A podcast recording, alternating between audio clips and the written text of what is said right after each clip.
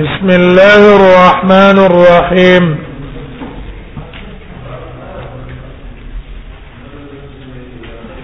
باب ما جاء ليلين منكم أولو الأحلام والنهى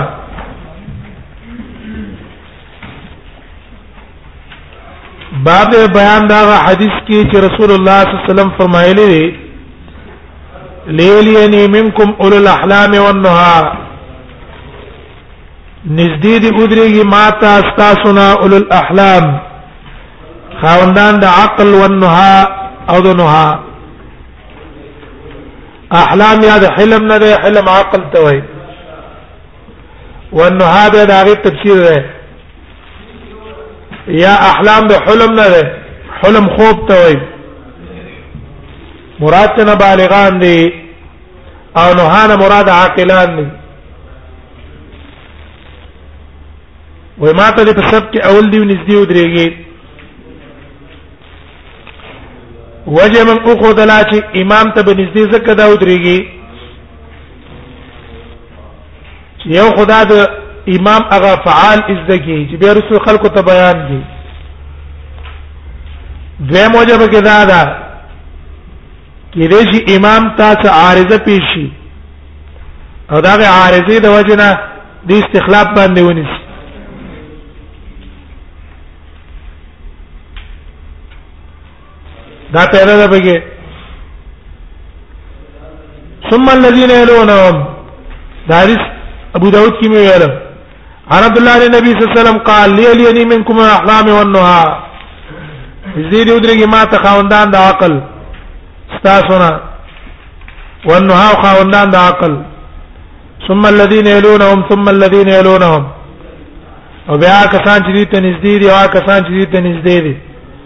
ولا تختلفوا فتختلف قلوبكم اختلاف ما نه کوي استاد زونو کې اختلاف را نش و اياكم وهي شات الاصوات او ځان ساتي تاسو چغو ورنا په شان تر چغو ور د بازارونو دا معنا کړی وا شات الاصوات معنا چې مکه وي لکه د بازارونو په شان یا مکه کې مختلفین په شان ته د اختلاف د بازار خزه مخ کې رستوي یا مکه کې منهمک په بازارونو کې چې دا سبب شي د څه د وجنه سبب شي د پاره د تاخير د سپي اولنا وبالبان بالباب عن ابي بن كعب وابن مسعود وابي سعيد والبراء وانس دین هم دا روایتونه دي امام ابو داود تقریبا د اکثر روایتونه راوړل قال ابو سعيد بن مسعود حديث حسن غريب وروي عن النبي صلى الله عليه وسلم النبي صلى الله عليه وسلم روایت کړی شوی دی انه كان يعجبه النبي صلى الله عليه وسلم بدا فخوا ان يليه المهاجرون چې دته د مهاجرین نږدې ودرېږي ولانصار انصار دې ته نږدې ودرېږي ليحفظوا عنه دې لپاره چې د نبی صلی الله علیه وسلم مونږ طریقه عادت افعال اغیز دکی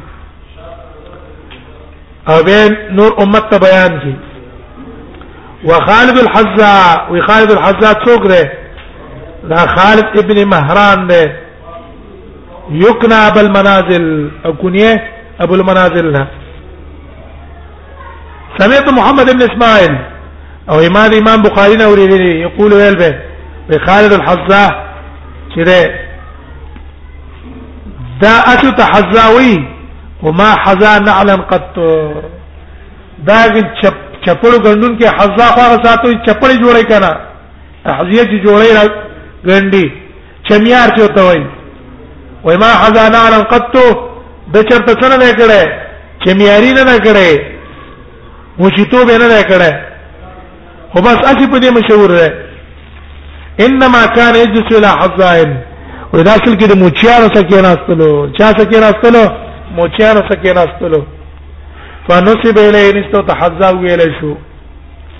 هو خالد بن مهران وابو معشر وابو معشر چې د اسمه زیاد بن کلیب دا غنم چې د زیاد ابن کلیب دی اسمه زیاد بن کلهب باو ما جاء فی کراهیت الصف بین السواری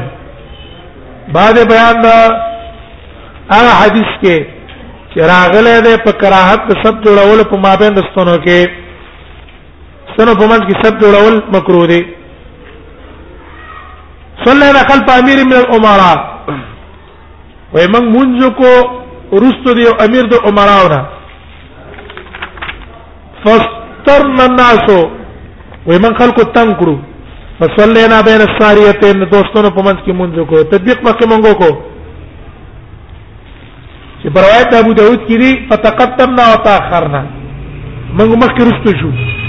او په دې روایت کې دي چې مونږ زموږ کو دوستونو په منځ کې نو الته موږ تطبیق کړو چې دا محمول له دی واقعیت یو ځل مخکې شوی رستو شوی دی بل ځل رستنو په منځ کې مونږ کړای دی انس ته دوه ځل حدیث بیان کړی قال انس بن مالک ویل كنا نتقي هذا ومن بزار ساتل دین په زمانه رسول الله صلی الله علیه وسلم کې هغه تفصیل مسئله بیان کو وفي الباب عن قرة بن إياس المزني لا غنم نقل له قال ابو سعيد حديث هذا حديث حسن صحيح وقد كره قوم من العلم ډیر علما مکروه ګڼل دي دا خبره یوسف بین السواری چې سب دي جوړ کړي د ستونو په منځ کې او به یقول احمد و اسحاق او دا قول امام احمد او اسحاق هم ده وقد رخص قوم من العلم اور ډیر علماء په اجازه ورکړل دي په ځاره کې په دې کې چې خیر د ستنو په مس کې سب جوړول څه دي جائز دي د وجه د حدیث دا دا نبی صلی الله علیه وسلم د عمل له وجه چې نبی صلی الله علیه وسلم عبد الله ابن عمر روایت ده چې په کعبه کې سواری په منځ کې مونږ کړه راکنه باقي تفصیل مخکې مو بیان کو راجح دا ده چې حتى الوصل صب بين السوارين جوړه مخکې رستو کېږي ما ایا حکم د منفرد ته منفرد جدا ده لیکن په جواب سب نه جوړه من له سب نه راغله او کوم چې رسول الله صلی الله علیه وسلم عمل کړی غزان نه کړی ځان له جدا حکم نه سب جوړول جدا ده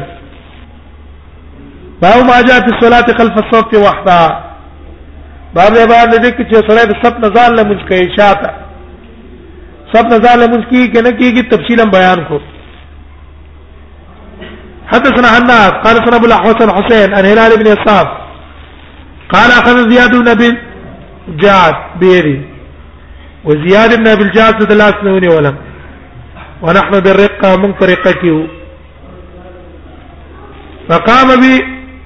زيود ولم على شيخ بيو شيخ يقال له وابسة بن معبد شاغته وابسة بن معبد ويرو من بني اسد دا بن وسط قبيله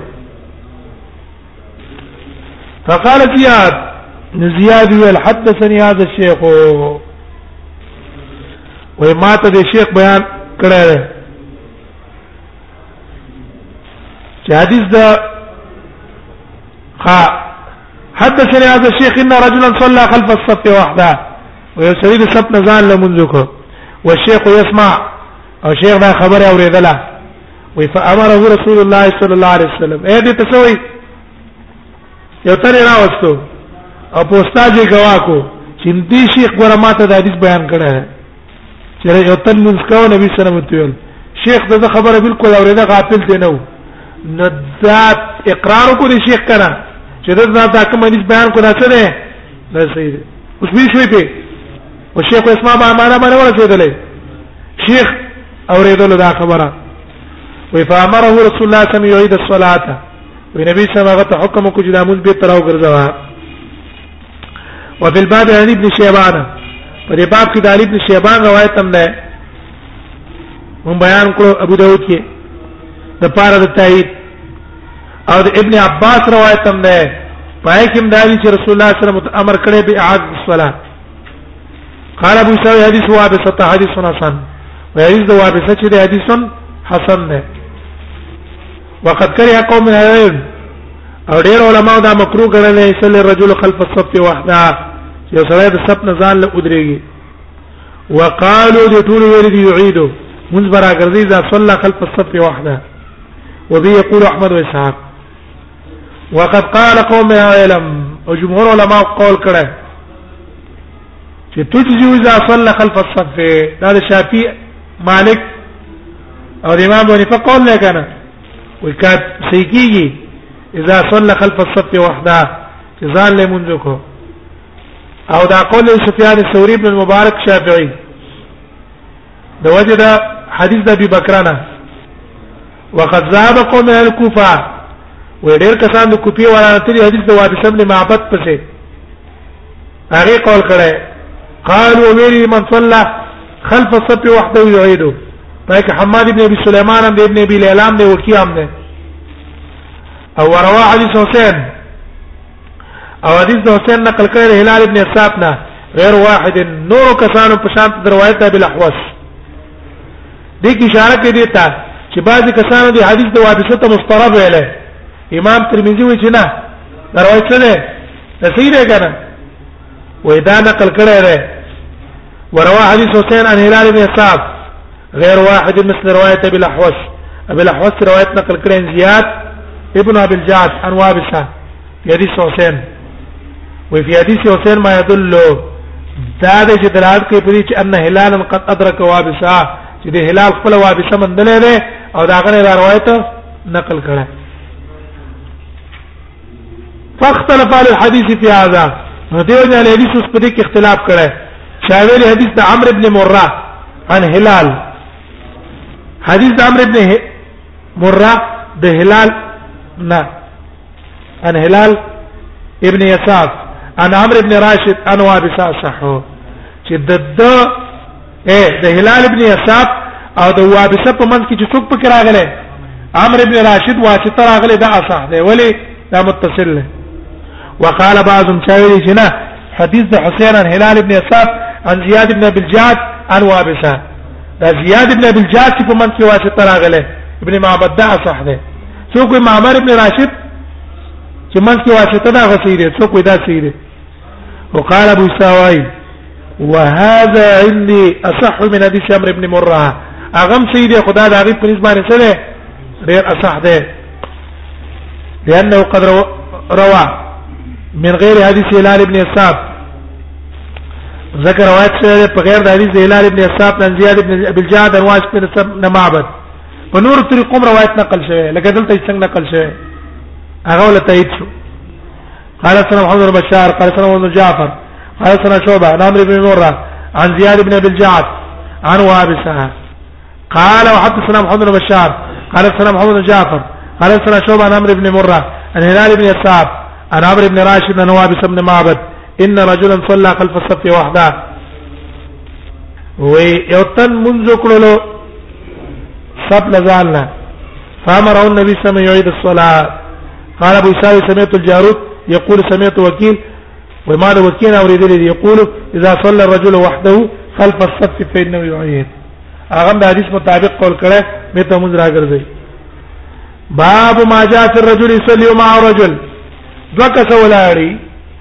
یو امام دی یو مقتدی دی نو امام به خي طرف ته ودرای د عبد الله ابن عباس روایت ته صلیت مع نبی صلی الله علیه وسلم ذات لیلا و ما د نبی صلی الله علیه وسلم شپه مونږ کو فقمت عن يساري ذي چپ طرف ته ودرېدلم فاخذ رسول الله صلی الله علیه وسلم براسي و دې نبی صلی الله علیه وسلم سر نه ونی ولم انا سر نه ونی ولم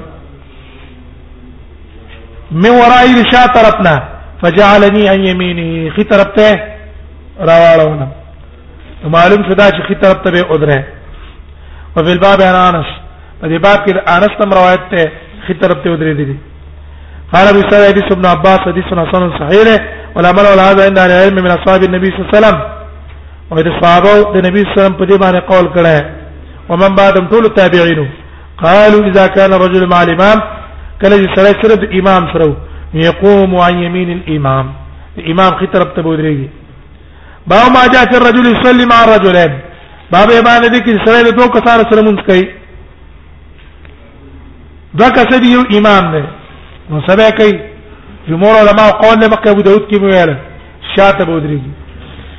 هدا عبد الله بن مسعود نه قول نقل له پمس کې ودرېدل نو کې دی شي دا نبی صلی الله علیه وسلم اول کې کړي منسوخ شوی او عبد الله بن مسعود ته حدیث تر رسیدل نه یا نبی صلی الله علیه وسلم دا کړی دی خو د وجه د ذیقل مکان د وجه نه صبر ابن جندب وايي امرنا رسول الله صلی الله علیه وسلم وي مونږ ته نبی صلی الله علیه وسلم حکم کړی دی اذا كنا ثلاثه چې کله مونږ درې کسانی ان يتقدمنا احد يوتن بمنه مخ ته ودرېږي وفي الباب ابن مسعود وجابر باب کې د عبد الله مسعود او جابر روایت هم دی جابر روایت تاسو ویلو باغ سوترا کې کړه چې رسول الله صلی الله علیه وسلم ترالم ځان مې غتا وکړو خې ته چپ طرف ته ودرم خې طرف ته راوستم جبار بن سخر راغی وې په دې کې رسول الله صلی الله علیه وسلم په دعا لمن ته شاته زور را کو شاته وګرځولو قال ابو سعود ترين وسود روایت راوړي قال ابو سعود حدیث سمرا حدیث غریب حدیث غریب دی ولا مر على هذا عند علمها علماء په دې باندې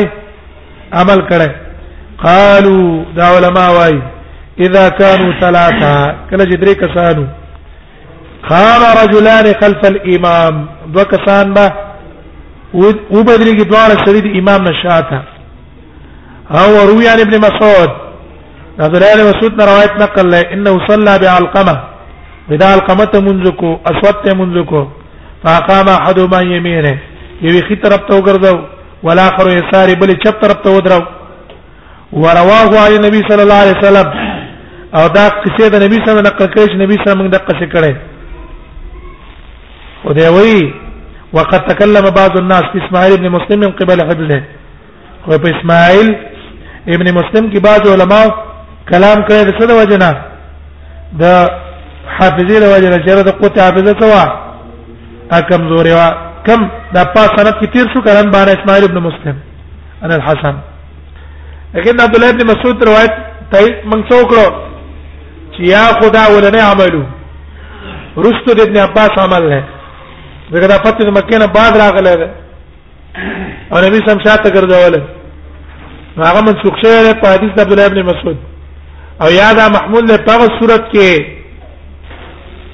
هغه صورت کې چې کله څه وی کله زه تنګی ده بجایز له خیره باو ما جاء في الرجل يصلي وما هو رجال ونساء بعد باندې د کی سړی مونږ کوي او داغه سړی او زنانه می سړی به مخ کې ودرې زنانه به شاته ودرې او ما حدیث ته ابو داود ولا راوړي انا رسول مولایک ان جدته مولایکا د دنیا د چانیا د دې اسحاق ابن عبد الله ابن ابي طلحه تکوا د دنیا دعات رسول الله صلی الله علیه وسلم نبی سم ته دعوت ورکو لطعام صنعته د پاره د خوراک کې هغه تیار کړو فاکل من نبی سم داغه نه خوراک وکړو ثم قال به نبی سم فرمایل قوموا تاسو درېږئ په نصلی بكم چې تاسو مونږ وکړو قال انس فقمت الى حصير لنا وزپات دم یو کوزی تا قد اسود دا تور شو من طول ما لبس د وجه د ډیر استعمال د وجه نه من طول ما لبس لبس معنا سره استعمال د ډیر استعمال د وجه تور شو فرزحته بالماء وبو په چنکاو کړی نو به په ولې چال کار کړی وي یا خود پښتوای دی وجنه او یا دی وجنه چې ګند شو چې دې سپاک شین به نه خپ معنا دې انزل وي فقام علی رسول الله صلی الله علیه وسلم په ودرېدلو وصففت علی انا ما په سب جوړ کول یتیم ورا او یتیم الکو ما سره شاتو والعجوز من ورائنا قال تمنګوي چې دا څوک به زميره ده کنه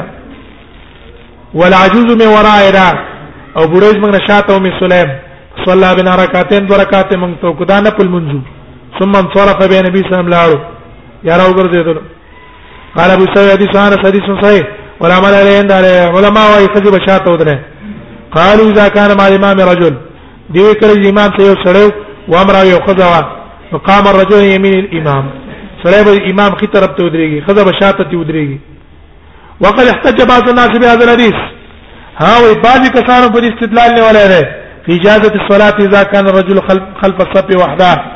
وسره ځان له شاته ودريږي لکه دا خزه ځان له ولاړه ده ولاړه نه ده ځان له سب کې مونږ نه دا جایز ده قالو دی وی زکا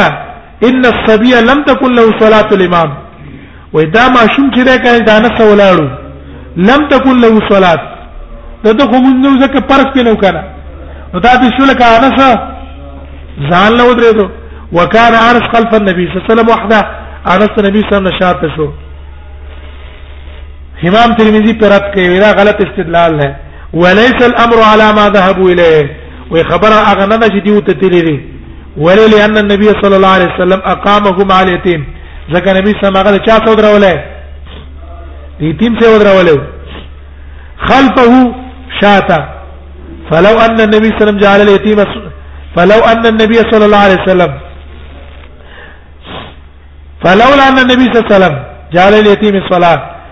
که نبی سلام د یتیم موږ له اعتبار نه ورکوله لما اقام الیتیم معه د یتیم د انصره نه ودروله او ولا اقامه یمینی ولا اقامه یمینی چرته به ودروله خي طرف ته به ودروله واغره اعتبار ورکو رزق او شاته کو وقد روي عن موسى بن انس او موسى بن انس روایت شعر انس نه چې انه صلى مع النبي صلى الله عليه وسلم فقام يمينه بل څوک سره نو نو کوم طرف ته ودراو شات خي طرف ته ودراو لکه او فی هذا الحديث دلاله الحديث کې خپل دلالت ته انما انه انما صلى تطوعا نبی صلی الله علیه وسلم دا نفل منځ وکړلو اراد ادخال البرکه علیهم اراده او ادخال د برکت پاغي باندې الله دې رسول کی اجر او ثواب ولور کی